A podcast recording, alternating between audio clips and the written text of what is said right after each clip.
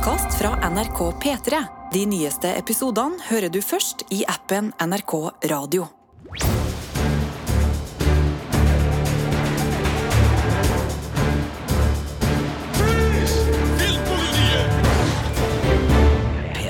Velkommen til denne podkasten her i Filmpolitiet. Ukas tema ferske sommertips fra Paramount Pluss. I studio Med- i dag. Altså, Programleder er deg, beklager. Marte Hedenstad, du er programleder. og du er medprogramleder, Sigurd Vik. Ja, en skravlete en sådan. Men eh, vi har da en runde i sommer hvor vi eh, går gjennom de ulike strømmetjenestene og, og ser litt på eh, serier som har kommet det siste året, siden i fjor sommer, hvor vi hadde en lignende runde. Så hvis du vil bla i arkivet, så finner du flere strømmeserietips der. Eh, men da liksom serier som har gitt oss en liten sånn begeistring. Noen av dem er selvfølgelig litt sånn opplagte tips, kanskje for mange, men kanskje er det noen eh, skjulte skatter her. Og når vi har snakka om Netflix, og vi har snakka om HBO Max og Disney Pluss og sånn, så har vi liksom ikke tatt de aller mest sånn Vi har ikke snakka om Bridgerton, vi har ikke snakka om Obi-Wan. Men eh, Eller vi har vel kanskje nevnt dem. Eh, Men eh, når det gjelder Paramount Plus, så er det en litt sånn mindre strømmetjeneste, så her kommer det nok til å komme noen ganske opplagte tips, for det er en del storserier her. Eh, Det er noen av dem vi har vært litt skuffa over, men det, men det er noen som vi virkelig har likt, så, så vi skal nok innom noen titler som er relativt godt kjent i denne podkasten, og kanskje noen som ikke er like godt kjent, men som fortjener eh, seeroppmerksomhet fra dem som liker sjangeren. Men Paramount Plus det er jo en litt sånn snedig strømmetjeneste, fordi den føles ganske ny, og kom jo i appform eh, i jeg tror det var mars eh, 2021, men den har jo vært der eh, tidligere også. Ja, den har vært som et sånn slags lite ekstrabilag til sånne eh, pakker du har på TV-en din, som for eksempel Telia Play, eh, Riks-TV, altså de der tingene, så har det vært mulig å velge Paramount Pluss som en sånn ekstragreie for poengene dine, sånn at du kan ha sett innholdet deres der. Ja, og, og de har hatt mye kult, fordi MTV og Comedy Central og Showtime og sånn er liksom inn i paraplyen her. Og jeg husker jeg så serier som Kay and Peel, det her sketsjshowet Ja. til, til de to komikerne. Jeg tror jeg så Broad City. Eh, delvis på Paramount Pluss, altså en nydelig komiserie. Og de har jo også noe liksom South Park, de har den nye Beavis and Butthead-filmen. De, de har hatt mye store titler, og det er jo litt rart å snakke om Paramount Plus, eh, fordi det skjer jo også ting framover. Eh, I løpet av året så skal det jo komme en ny strømmetjeneste som skal inkludere innhold, i hvert fall fra Paramount Plus. Om det betyr om at Paramount Plus avvikles, eller om den bare liksom finnes på, på en måte to plasser, det, det vet ikke vi helt ennå. Men Sky Showtime skal angivelig komme i løpet av eh, 2022, og det vil jo da kanskje gjøre at strømmetjenesten får et, en, et nytt utseende og blir inkorporert i noe kanskje enda litt eh, større på sikt. Ja, Men enn så lenge, i pratende stund, så heter altså strømmetjenesten Paramount Pluss. Eh, og eh, ja, skal vi eh, gå litt gjennom det? Altså, du nevnte innledningsvis at det var noen eh, storserier der som har skuffa oss.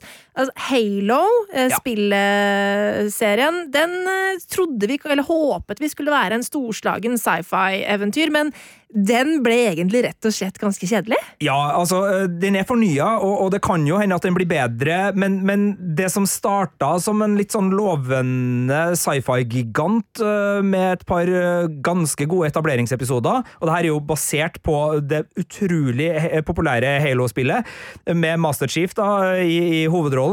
Eh, Det, det- starta bra, men så, men så ble det et skuldertrekk utover i, i sesong én. Så jeg har fremdeles Jeg kommer til å fortsette å se det når sesong to kommer, men, men det var en, en skuffelse. Og det var jo en annen storserie som vi virkelig gledde oss til, som liksom filmfansen var begeistra for.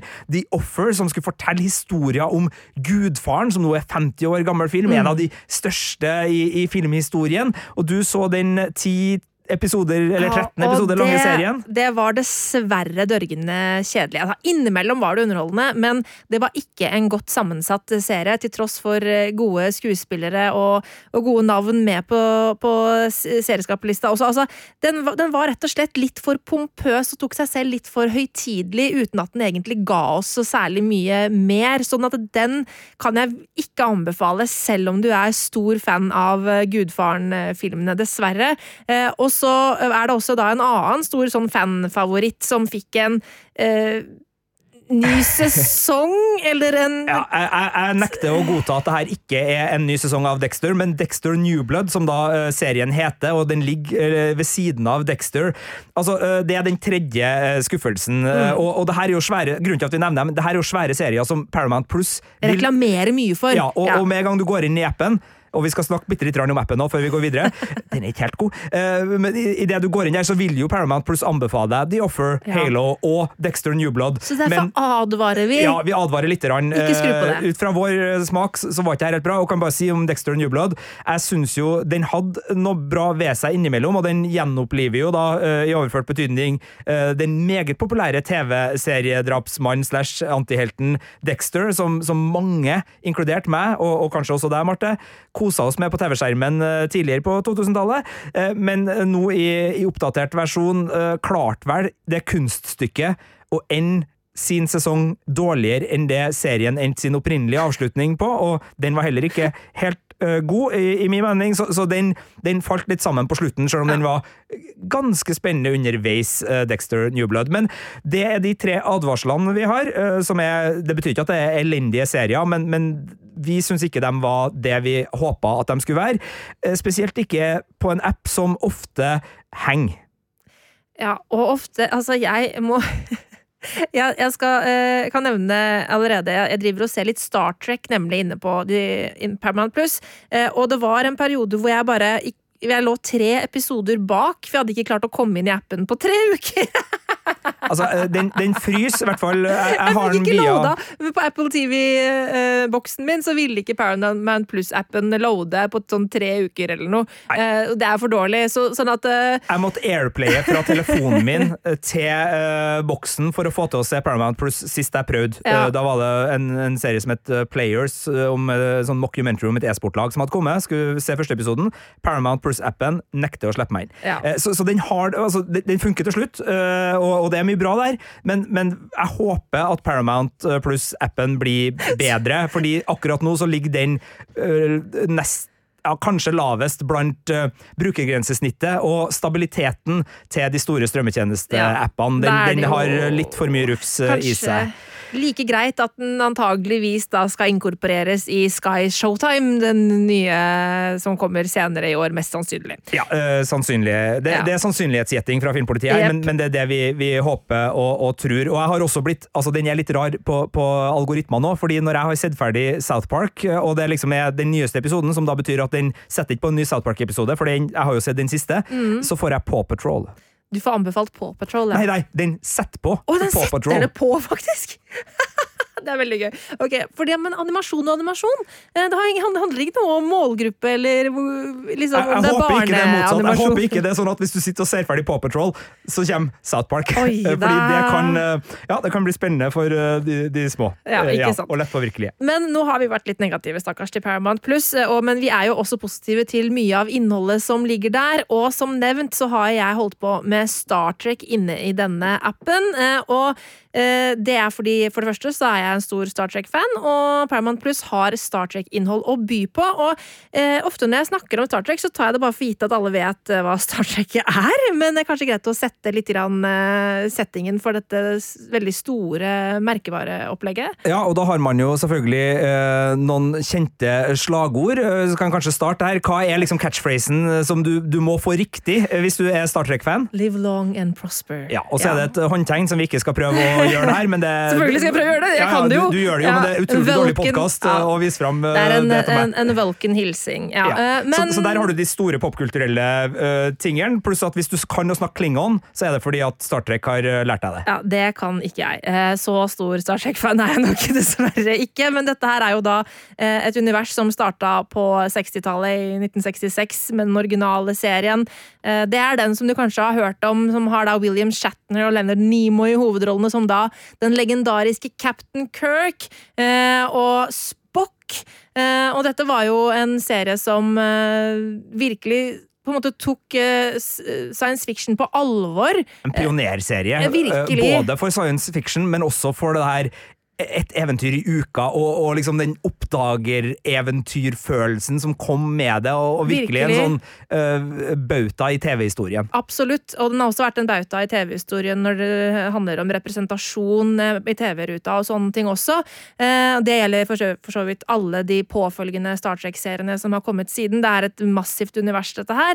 Uh, Men dette her er jo da satt til en fremtid hvor jorda er blitt en del av The Federation, eh, som er da en samling planeter eh, som samarbeider. Er Istedenfor FN, så er det liksom The Federation altså? The United Federation of Planets. Uh, og, og igjen, da, Halo tror jeg også har mer eller mindre en Ja, ja, lignende tittel på sine ting. The Expanse, for eksempel, den har jo også en sånn federasjon av planeter, så det er jo en sånn kjent greie fra, fra eh, science fiction-universet. Og det som er litt sånn gøy da med Star Trek, er at ofte så også, og også på denne tida uh, hvor den første serien kom, så har science fiction gjerne vært litt sånn dystopisk. Det handler ofte om at ting har gått skeis, uh, menneskene vi har ødelagt uh, planeten, og vi har det er på en måte veldig fæl fremtid vi går i møte.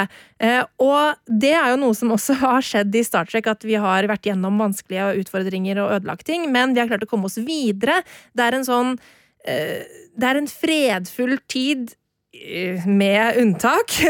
Eh, og med en sånn Vi har kommet veldig langt. altså det er, eh, altså Vitenskapen har kommet langt. Vi, vi ønsker å utforske universet. altså Det er en sånn der, håpefull eh, fremtid som vi møter i Star Trek. Ja, og det er jo veldig godt at det er noen øh, sånne øh, serier som, som dyrker den Mm. følelsen og den stemninga, for det, det er jo som du sier, det kan bli mye dystopi, og, og du verden, det er mye god dystopi, og, av og til så, kan man jo tenke at det, det er den veien høna sparker, men, men det at Star Trek er liksom en sånn øh, slags sånn øh, liten lykkepille da, man kan øh, ty til, det er jo kanskje å ta i da, men altså, i hvert fall i den originale serien så, så er det, det, det er et, ja, du, du sa det, det er et håp der, og det, er liksom en sånn muligheter. Ja. Det er muligheter i, i Star Trek som, som gjør den øh, Ja, ja, ja. Altså, pengene. originalserien, altså eh, To boldly go where no man has gone before.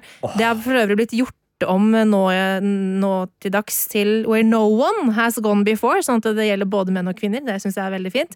Eh, men det er jo da den originale eh, Star Trek-serien, som da handler om liksom, sant, det er eh, USS Enterprise, eh, som legger da ut på et sånt femårs oppdrag som skal utforske nye planeter. Eh, og så er det kommet en hel rekke rekke eh, andre serier siden, eh, og en av de eh, som da ligger på Paramount Pluss, er Star Trek Discovery. Og den er satt til ti år før den originale serien fra 60-tallet.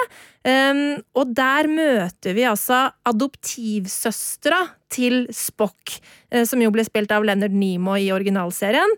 Eh, eh, Og hun heter Michael Burnham og spilles av Sonico av Martin Green, og er en sånn ganske sånn innledningsvis litt sånn opprørsk figur som Altså, fordi vi følger jo da um, Starfleet er jo da det som er på en måte både forsvarsflåten, men også da utforskerflåten til The Federation. Eh, og der jobber altså Michael Burnham. Hun blir sett på som en sånn ja, opprørsk person, selv om hun på en måte har Starfleet under huden og, og tror på det Starfleet står for, så er hun på en måte en som man ikke nødvendigvis kanskje kan stole på at følger reglene alltid. Eh, det er jo kanskje en litt sånn gjennomgående greie i, i Star Trek-universet også. Det er noen sånne opprørske, eh, artige folk innimellom. Eh, og det er en serie som Uh, ikke er satt på Enterprise, men som da er satt på Discovery-skipet, Uh, og tar oss med innledningsvis inn i Ja, jeg nevnte i stad at det var en fredfull tid, men det er også konflikter her. Uh, og i denne serien så blir vi satt rett inn i konflikten med Klingon-husene innledningsvis, og så utvikler det seg til å bli en ganske mye større og omfattende trussel mot eh, galaksen. Og dem som nå tenker at jeg sitter og hører på en podkast om strømmetjenesten Paramount Pluss, og Mm. vi skal høre om relativt nye serier som har kommet der, eh, men det her høres jo ut som noe jeg så på Netflix for noen år siden. Det er helt riktig. De har jo rett, men, men det har kommet en ny sesong av Star Trek Discovery, og nå er det ikke lenger en Netflix-serie i Norge, det er en Paramount Plus-serie, hvor jeg vil tro da alle sesongene Alle sesongene av ligger. Ja. Fordi eh, Det er jo det som er litt forvirrende sånn sett med norske øyne av og til. Fordi eh, eh, Star Trek Discovery var jo aldri en original Netflix-serie. Eh, det var bare det at Netflix hadde rettighetene til å vise den eh, i Norge. Eh, nå er det da Paramount Plus som, som eier dette, og som da huser både Star Trek Discovery, som er en veldig varm anbefaling fra meg, som selv om du Du trenger ikke forkunnskap i Star Trek-universet for å begynne på Star Trek Discovery, selv om det selvfølgelig er en fordel, fordi du møter jo eh, folk du har møtt før. Eh, Spock, eh, for eksempel, møter du jo da i en ung variant, og det gir deg jo mer hvis du kjenner til selve universet, men du trenger ikke det. Det er et greit sted å begynne, og det gjelder også neste serie som jeg skal inn i, fordi i Star Trek Discovery, så i sesong to så blir vi introdusert for en annen mann som er kjent fra Star Trek-universet. Eh, og han eh, er en fyr som du møtte hvis du har sett den aller første Star Trek-episoden, eh, som er da egentlig en pilot. Jeg snakker om Captain Pike, eh, som er eh, den personen som var egentlig den første fyren som eh, var kaptein på Star Trek Enterprise. Um, og i Discovery så møter vi han, uh, og han um, ja, møter på en del utfordringer i uh, denne sesongen to av Discovery, som han da tar med seg videre inn i sin nye serie som heter Star Trek Strange New Worlds. Så det er to Star Trek-serier som anbefales her. Eh, Star Trek Discovery med nye sesonger, og egentlig alle sesongene som ligger nå på Paramount Plus, og den her nye store som liksom kom tidligere i år med, Yes. med brask og bram, og var liksom en serie som kobla seg litt på da, eh, originalserien også, selv om den også da er kobla på Star Trek Discovery ved at hovedpersonen er en gammel kjenning. Ja, både Star Trek Discovery og Star Trek Strange New Worlds kobler seg på originalserien, eh, men denne vil da plukke opp der sesong to av Discovery slapp, eh, og fortsette inn mot da piloten i Star Trek, The Original Series, som heter The Cage. Fordi i piloten som ble laga for den originale Star Trek-serien, så var det da eh, Captain Pike som var kapteinen. Eh, Han ble da senere bytta ut med eh, Captain Kirk, som jo kjenner som eh, William Shatner sin eh, eh, altså skuespillerprestasjon. Eh, og det som er greia, er at eh, selv om han kun var med i piloten, så var det ikke sånn at Captain Pike bare ble glemt og var en sånn der 'dette har aldri skjedd'-type rollefigur. Han ble plukket opp videre gjennom i Star Trek-serien også, eh, og nå vet jeg liksom hvor mye jeg egentlig kan avsløre, eh, fordi dette her er jo ting som da har skjedd både i Star Trek eh, den originale serien og hintet om i Star Trek Discovery, men det jeg kan si da er at eh, det er noen utfordringer down the line i livet til Captain Pike som han er klar over at kommer til å skje når Strange New Worlds begynner, fordi han har hatt et så, et slags fremtidssyn. Så han vet noe om livet sitt som han er redd for, eh, og det er noe av det som da setter stemningen for starten på Strange New Worlds, at han er litt sånn usikker på hvordan han skal gå videre i livet sitt. Um, og så, så det er en sånn underliggende tematikk, et sånn slags fremtidig traume som ligger og venter, og, og den derre skal jeg nå leve livet mitt, eh, eller skal jeg gå og vente på dette traumet? Um, Det er en sånn underliggende tema som jeg syns Anson Mount, da, som spiller Captain Pike, gjør veldig godt. Og så, eh, oppå dette, da, så er det altså en veldig sånn tradisjonstro Star Trek-serie, hvor vi får disse ukentlige episodene med avsluttende handling i hver episode, den såkalte Planet of the Week, eller hvor du da på en måte enten drar til en ny planet, eller møter et nytt folk, eh, får en ny utfordring, og som da skal løses i løpet av en episode. Og det er utrolig gøy. Ja, for jeg kjenner at det føles så forfriskende for meg at det finnes en serie som er skikkelig god, og som gir meg den muligheten. Og det er jo mange serier der ute som, som ikke liksom er de, de store rød tråd, mange episoder-greia, men det er allikevel veldig mange av dem, spesielt i litt sånn stor prestisje sci-fi og uh, stor prestisje drama. Så det at det nå kommer uh, en sånn uh, Sigurd har laga seg mat, Sigurd har lyst til å se noe artig. Sigurd kan gå til uh, en Star Trek-episode, og selvfølgelig uh, kjenne på de store historiene og sette det i sammenheng, men likevel mm. liksom få ukas episode. Litt som en gammel Buffy-episode for oss som er glad i den slags, eller uh, en sånn krim-procedural. Altså, jeg har jo en appetitt for serier som CSI, Bones, Castle og alt det der. Ja, dere som vet, dere vet. Og, og jeg, jeg, trives veldig godt med den muligheten til å bare liksom uh, uh, justere uh, TV-kvelden etter liksom, hvor mye tid jeg får, og, og, og uten at jeg forplikter meg liksom, til, mm. til, noe sånn intenst og langt, samtidig som jeg av og til liker det òg. Og, og jeg, blir, jeg kjenner at det er sånn det er ikke lettelse, men når du, når du fortalte om det her da, da serien hadde premiere, at liksom, og det her er ikke en sånn som du må sitte og investere 13 timer i, og, og du må huske hva som skjedde i forrige episode mm. når du starter på nytt igjen uka etter, kanskje må du se igjen en episode for å huske hvor du var. Det er avsluttende ukesepisoder også. Mm. Kjent på sånn her Åh, hvor deilig! Ja. Hvor deilig! Og det er ikke en følelse som skal gi noe uh, uh, sånn slag til noen andre serier, men det er bare en, en hyllest til at Star Trek går tilbake til røttene og gir oss en sånn pur TV-formelglede. da. Ja, og det er helt nydelig. Og selv om eh, da eh, Christopher Pike eh, blir introdusert i andre sesong av Discovery og er med gjennom hele den sesongen, eh, så er det ikke sånn at du må absolutt ha sett Discovery først. Eh, hvis du kun har lyst til å begynne på denne type Planet of the Week-serien. Det er selvfølgelig en fordel å ha gjort det, men det jeg beskriver om de traumene han har opplevd eh, og er engstelig Ikke opplevd enda. Det blir, det blir ganske godt forklart i den første episoden av Strange New Worlds. Han har en samtale hvor han på en måte forklarer hva han er redd for og, og sånne type ting. Sånn at det, eh, du må ikke ha sett eh, Discovery for å kose deg med Strange New Worlds. Men øh, når vi er inne på, på de litt ulike Star Trek-tingene, for det her er jo et av de virkelig store, store mm. universene, kan du bare øh, gå litt sånn kjapt igjennom uh, altså, Hvor finner man de ulike Star Trek-tingene ja. nå? Fordi jeg vet jo at Picard, en serie som handler om kaptein Picard, den ligger jo på Prime, og, og filmene ligger jo litt sånn rundt omkring. Har du, har du litt oversikt? Det er en liten jungel der ute, hvis du har lyst til å få med deg alt av Star Trek. Da kan jeg si at hvis du har Netflix, da får du med deg eh, veldig mye, for der ligger den originale serien. Eh, så hvis du ikke har sett den, så anbefales den.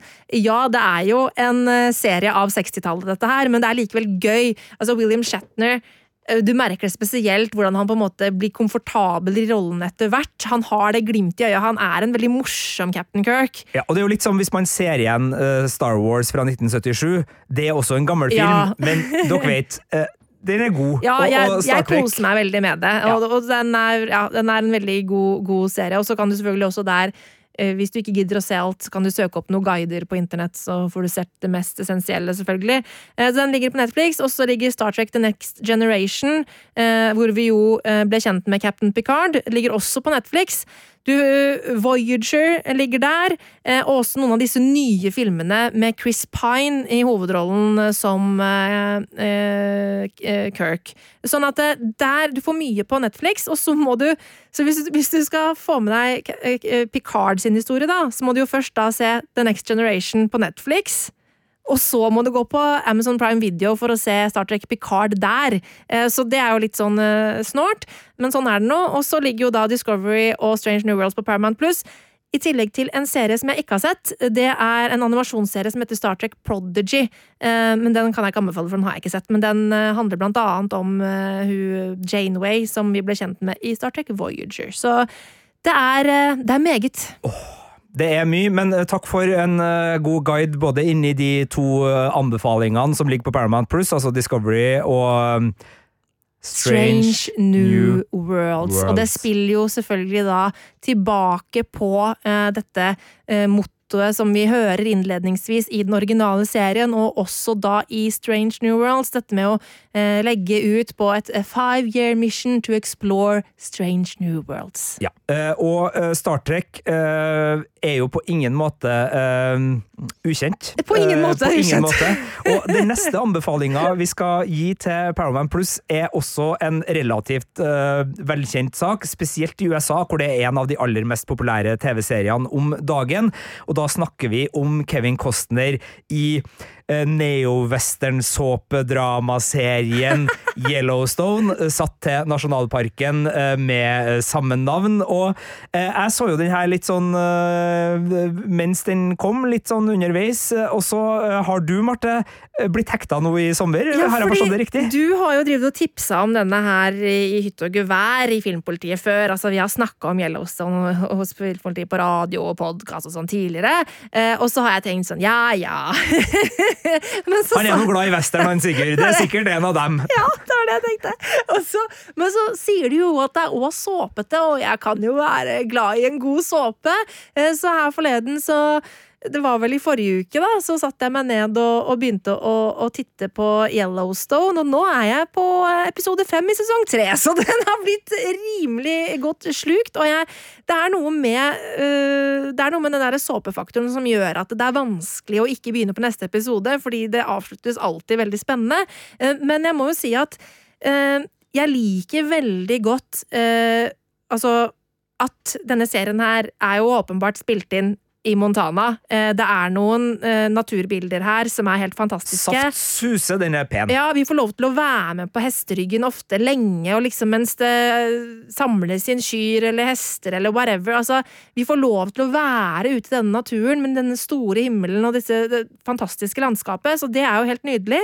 Um, og så er det jo en gjeng med folk her som altså Det er fascinerende, fordi um, Kevin Costner spiller jo da faren i denne Dutton-familien, som eier en enorm ranch eh, med enorme landområder.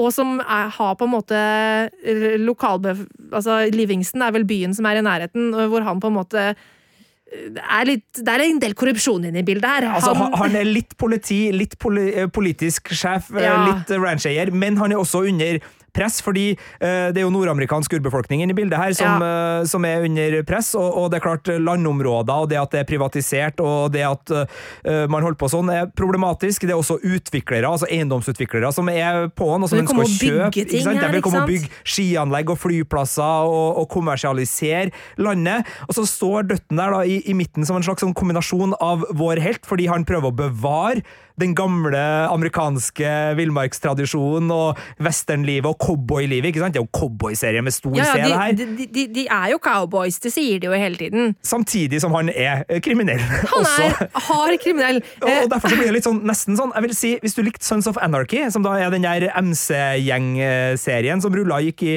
mange sesonger, som nå har Mayens MC som sånn spin-off-serie, mm. så er det her cowboy-versjonen av Sons of Anarchy på sett og vis, blanda med uh, Dynastiet og og Bonanza og en del andre sånne gamle amerikanske TV-favoritter. Fordi Da jeg så det, så tenkte jeg sånn eh, For jeg visste jo ikke hvor eh, kriminelt det skulle bli, egentlig, da jeg begynte, satte meg ned og så på det her.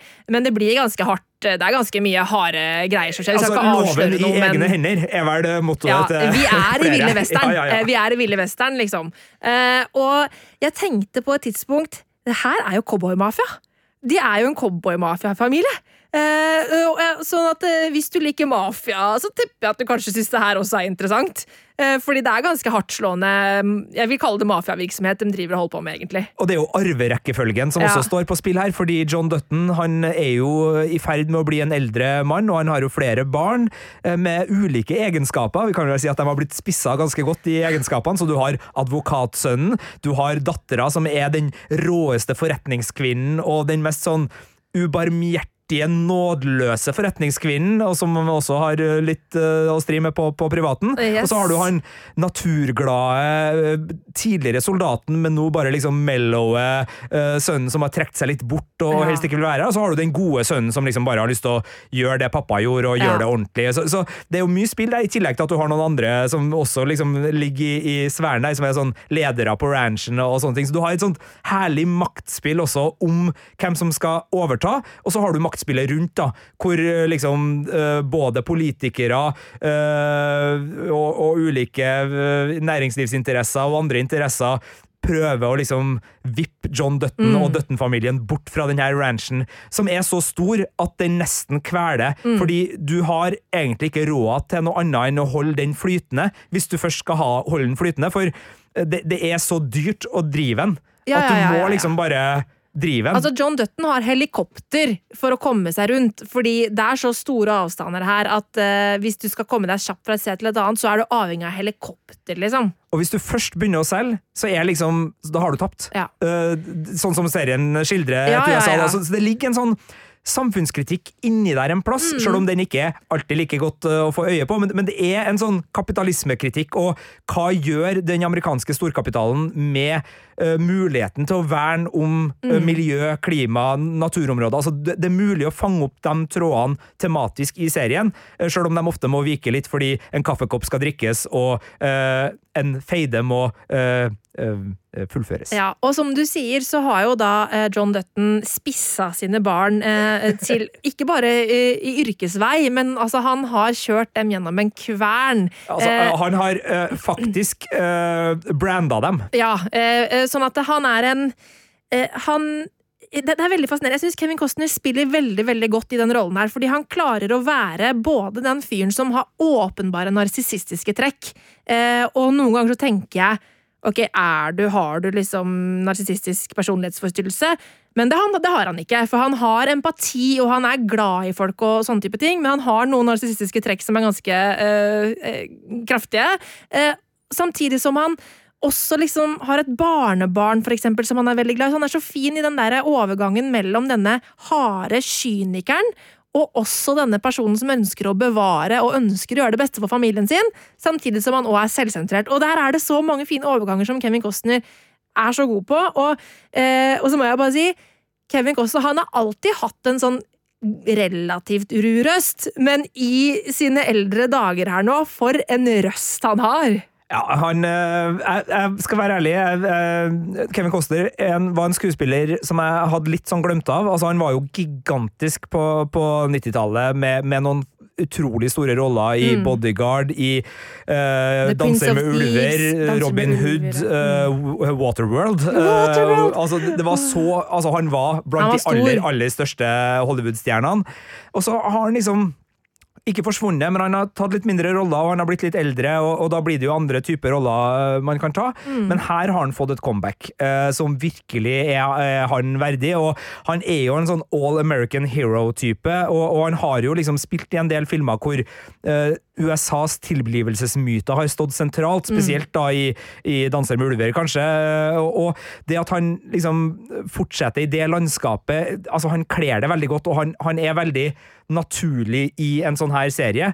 Eh, Og så er det jo fascinerende at det her har blitt en så stor serie at den nå driver og avler flere spin-off-serier. Én har allerede begynt å gå, eh, og den skal vi nevne, for den ligger også på Paramount Pluss. Og så er det en Altså, det cowboylivet blant de som liksom er cowboyer, er også en stor del av Yellowstone. Så stor at den også har fått nå sin egen spin-off-serie, yeah. som skal komme eh, om en av de ranchguttene som eh, blir overført til en annen ranch, og så skal vi følge hans historie videre der. Så, så det er et univers som virkelig har fanga noe i amerikansk TV-tradisjon, og det tror jeg er for at den treffer så bredt. For jeg tror Grunnen til at både jeg og du liker den så godt, er ikke nødvendigvis de samme tingene, men den har de kvalitetene som gjør at vi begge plutselig har sett tre sesonger med Yellowstone, uh, sjøl om sola skinner ute. Ja. Uh, jeg er jo veldig glad i neo-western-aspektet av det, og det her kommer jo fra serieskaper Taylor Sheridan, som er eh, nå en veldig eh, attra, eh, altså, eh, produktiv serieskaper, men han er jo også kjent for eh, å ha skrevet manuset til Sicario. Han har laga Hell or High Water eh, og,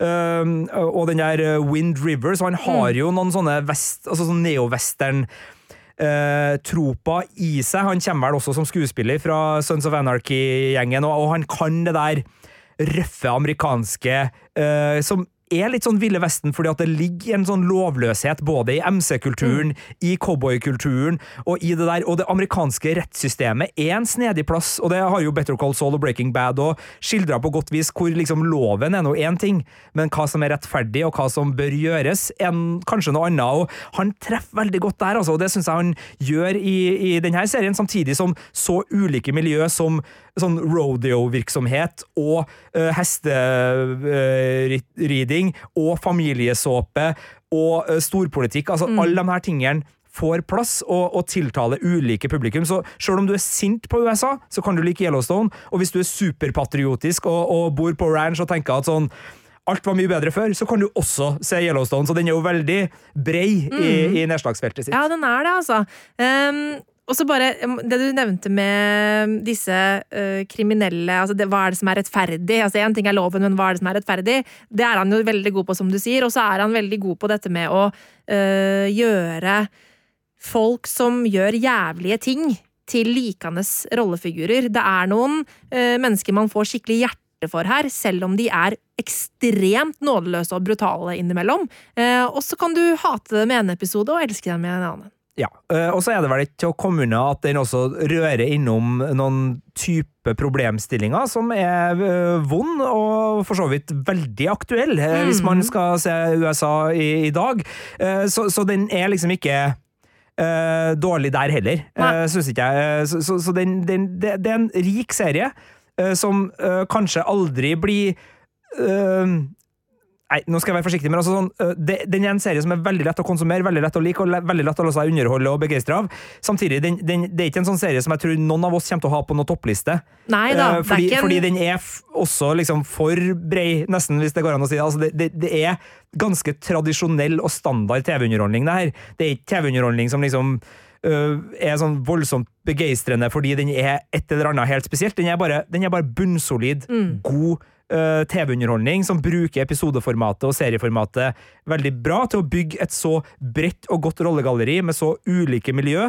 Og det er klart, er du glad i kassegitar, hest og countrymusikk, fytti rakkeren! Det er så mye av det. Huh. Det er faktisk mye bra altså, musikk til og med jeg liker det. Ja. Eh, og så er det en spin-off-serie som allerede har kommet med sin første sesong, som jeg tror eh, er spent på Jeg er veldig spent på hva du kommer til å si om den hvis du begynner på den, Marte. Fordi Døtten-familien eh, har jo den her gigantiske ranchen, men eh, når vi møter dem, så, så, har de en. Men hvordan har de fått den? Det får vi vite i serien 1883, som også ligger på Paramount Plus.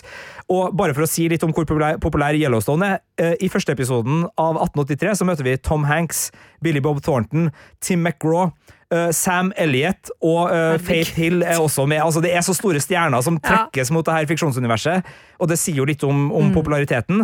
Men det her er en reindyrka westernserie. Den er satt da til uh, året 1883 og handler om bestefaren til John Dutton, og hvordan han da med sin familie nei, det er vel oldefaren. Ja, også, men bestefaren, bestefaren ja. er med også. Bestefaren er jo da sønnen ja. som er med mm. på, på, på lasset her, blir det vel? Ja.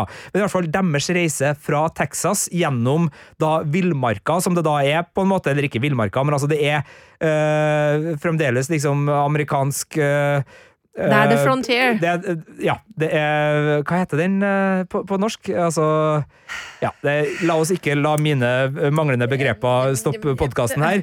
Men det er nybyggertid uh, i deler av USA. altså Mye er jo gjort, men, men mot Montana så er det fremdeles uh, en ganske sånn utrygg reise. Og det er den reisa da Dutton-familien, sammen med Sam Elliot som gammel uh, soldat og, og en slags sånn sheriff, og en gjeng uh, tilflyttere som har kommet fra Europa, og som ikke nødvendigvis snakker engelsk, og som mm. skal da opp til uh, Det er vel opp til liksom Portland de sikter på, og deres farefulle ferd gjennom da det her uh, nybygger-USA er liksom Det er reisa her. Og vi snakka om at den var pen å se på Yellowstone. 1883 dyrker den biten enda mer. Her er det så vakre, storslåtte naturbilder, som både da er veldig opptatt av hvor utrolig vakker verden kan være, men bruker også den visuelle paletten til å vise hvor utrolig fæl, nådeløs og farlig denne verdenen er, enten det er slangebitt, sjukdom, Uh, vogner som setter seg fast i elver, uh, angrep fra banditter fra, som, lov, som, livnærer seg på, på, å overfalle folk, krangling innad. Altså det, det, er så mye sånn smålighet og tarvelighet innad i denne gjengen som reiser. De stjeler mat fra hverandre, de stjeler uh, andre altså så, det, det, er mye av det der, og der syns jeg den serien er god, men vær advart, det er en ren westernserie i, i stil, og, og en helt annen grunntone da, enn Yellowstone sjøl. Eller det er ikke helt riktig å si, den har den samme grunntonen, men det er en helt annen uh, helt andre miljøskildringer ja. og helt andre uh, problemstillinger som, som uh, presenteres her. Men da må jeg jo spørre, fordi i Yellowstone så er jo da John Dutton han er utrolig stolt av den arven han har. Han er uh, opptatt av å ta vare på denne ranchen som har vært i familien hans i 100 år, bokstavelig talt. Um, og så er det jo også da dette underliggende temaet som også blir tatt opp gjentatte ganger, med hvordan da uh, urbefolkningen mistet sine uh, områder og ble putta inn på reservat osv. Uh, hvor, hvor mye handler den om det? Fordi det er jo litt sånn derre Den liksom flotte arven John Dutton sitter på, er jo da bygd på uh, ganske voldelige ting, vil jeg tro. Ja da, den, både Yellowstone har jo noen tilbakeblikk som tar oss inn i handlinga i 1883, og, og vi, derfor så, så, så, henger de historiene her sammen. Eh, og det aspektet der er definitivt et sentralt aspekt i begge seriene, og spesielt da i 1883. Jeg syns jo ikke serien går veldig langt i å problematisere uh, eiendomsretten, uh, sånn som den ble praktisert av uh, de som kom reisende fra Texas og, og, tok seg til rette, eller altså hele USAs tilblivelseshistorie mm. der.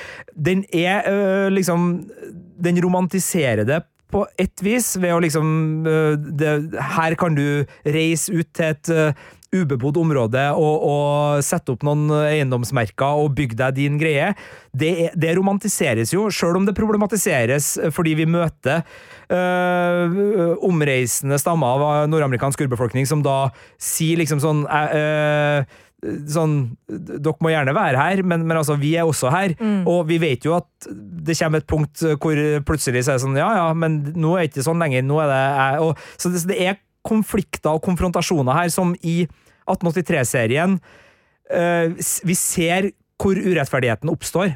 Så selv om den romantiserer deler av det, så, så viser den også hvor problemene oppstår, og den viser hvor rett de som kritiserer Dutton-familien har egentlig, samtidig som vi blir veldig klar over at Dutton-familien også da lever i et samfunn hvor eiendomsretten gjelder for alle. Så, så, så det er en mm. sånn øh, øh, serie som prøver å gjøre alle til laks ved å være tydelig på at den anerkjenner problemstillingene og ser når de problemene her har oppstått. Og, og Men tør ikke slå for hardt i bordet med altså, dette er den, feil? Den gjør i hvert fall ikke det. Fordi uh, den, den altså, De eneste liksom, sånn veldig tydelige onde folkene her som tar feil, er banditter. Ja. Som er liksom plyndrere og som er smålige folk som, som, gjør fæle ugjerninger. Men den tar ikke noe stilling. altså Til og med i de uh, krigsekvensene hvor nybyggere og urbefolkning braker sammen, så, så er ikke noe god og ond uh, som serien prøver å, å, skildre. Det er bare uh, ulike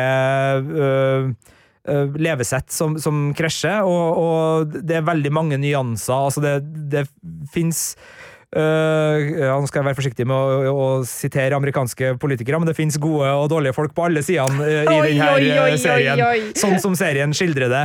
Uh, men, men, det er jo ikke noe tvil om at målet til Tim McRaws Dutton her er jo å bygge en stor uh, og trygg heim for sin familie, som inkluderer gjerder mm. og uh, areal og uh, eiendom og verdier som skapes av de eiendommene. Og det problematiseres jo egentlig ikke utover at man ser hvor de konfliktene oppstår. Så det er jo ikke en serie som liksom har som mål å avskaffe eiendomsretten. det, det, er det virkelig ikke. Men, men jeg, jeg syns den er nyansert nok til at den ikke er dum. På ingen måte. Altså, det, det, er en serie som er klar over hva den er, og den er klar over hvilken historie den forteller. og den prøver å skildre uh, på godt og vondt. Jeg syns ikke ikke den er like god som Yellowstone, delvis fordi den har litt andre fortellergrep. Her er det dattera i familien som er en voiceover, altså en fortellerstemme, som blir for min del litt for poetisk og litt for opptatt av å snakke om uh, hvor vakker og hvor brutal og hvor blodig og hvor nydelig verden kan være. Uh, jeg trenger ikke det kommentarsporet for å det se den hende, serien. hende, mulig det kan appellere til meg. Det er godt mulig at det vil gjøre det, og, og det er da Elsa Dutton, dattera, spilt av Isabel May, som er den stemmen. Og, og hun er en veldig god rollefigur i historia, men jeg, jeg, jeg syns det lydsporet blir litt for mye teskje og litt okay. for svulstig. Jeg syns vakker natur er fin å se på på en TV-serie, men jeg trenger ikke at noen skal fortelle meg at den er vakker. Nei, jeg skjønner. Ok, det Eh, blir så, så den er, Ja. Men den er veldig amerikansk, da, 1883, så, så, så den har nok noe, noe greier der. Men det er smak og behag. Ja. Den er veldig, veldig godt laga. Tom Hanks og Billy Bob Thornton blir ikke med eh, videre på reisa i første sesongen, men de er etablert som rollefigurer, og eh, det er mulig vi i hvert fall ser én av dem igjen. Eh, og så er jo det her selvfølgelig da også en Taylor Sheridan-serie, eh, og som i alle seriene hans, tror jeg, eh, så dukker han også opp eh, i en rolle. Så han dukker også opp i, i, i denne eh, serien. Og det er en solid, solid westernserie. Den foregår jo ca. samtidig som Deadwood. Og du verden så mye bedre Deadwood er. Uh, så, så, Men nå skal det handle om hva Ja, vi anbefaler. det, det skal det. Så, så uh, den er ikke på, på nivå med Deadwood, som ligger på HBO Max, men den er en, et fint supplement hvis du allerede er hekta på Yellowstone. Ikke sant. Og du kan uh, velge hva du vil begynne med. Vil du begynne med 1883, så er det helt greit, men det er ikke noe problem å se Yellowstone først, og så se prequelen etterpå. Ja, men nå har vi uh, befunnet oss da i to store univers. Vi har vært i Star Trek-universet, og så har vi nå vært i Yellowstone-universet. Uh, men du har et siste tips å komme med før vi gir oss i dag, Sigurd? Ja, det har vært veldig store ting og, og mye å sette seg inn i i begge de universene. Vi skal ikke helt forlate Yellowstone-universet, eh, fordi serieskaper Taylor Sheridan har laga enda en serie, men den her har ikke noe med de rollefigurene å Nei, ja. gjøre. Det her er en serie som har Jeremy Renner, altså kjent fra Hawkeye og Avengers-universet, i hovedrollen, og den heter Mayor of Kingstown, og handler om en eh, by som har fengselsindustrien som eh, hjørnesteinsbedrift, eh, og det medfører at det er en ganske øh, ganske mye kriminalitet i, i denne byen, også fordi at uh, det er ikke sånn at det er klare skiller mellom fengselet og de som uh, jobber der, når de bor i en by hvor de uh, på en måte ferdes imellom, og de innsatte har folk på utsiden, osv. Og, så og Jeremy Renner, Renner spiller da den her borgermesteren, som ikke er en faktisk borgermester, men han er en slags megler mellom de ulike miljøene, altså politiet, fengselsvakta, de ulike gjengene i fengselet og befolkninga. Altså, hvordan skal de få til å leve uten at gnisninga på innsida blør utover i lokalsamfunnet? Og svaret er vel det klarer ikke den, fordi de blør utover i lokalsamfunnet, men det blir en tiepisoders skikkelig spennende sånn eh, krimthriller på et vis, samtidig som det er en dramaserie som jeg likte kjempegodt. Altså, det er en av de mest underholdende sånn spenningsseriene jeg har sett på, på lang, lang tid. Den er heller ikke liksom sånn på topplista over de beste seriene, uh, nødvendigvis, men det den prøver på, lykkes den veldig godt med, og den har så gode skuespillere, så gode konflikter, og, og såpass mye sånn stolkantspenning, hvor man lurer på liksom sånn Oi, et fengselsopprør! Uh, hvor vil, hvordan vil det her spille ut, og hva vil det få følger for den greia som de prøver å få til, og den andre greia som de prøver å få til?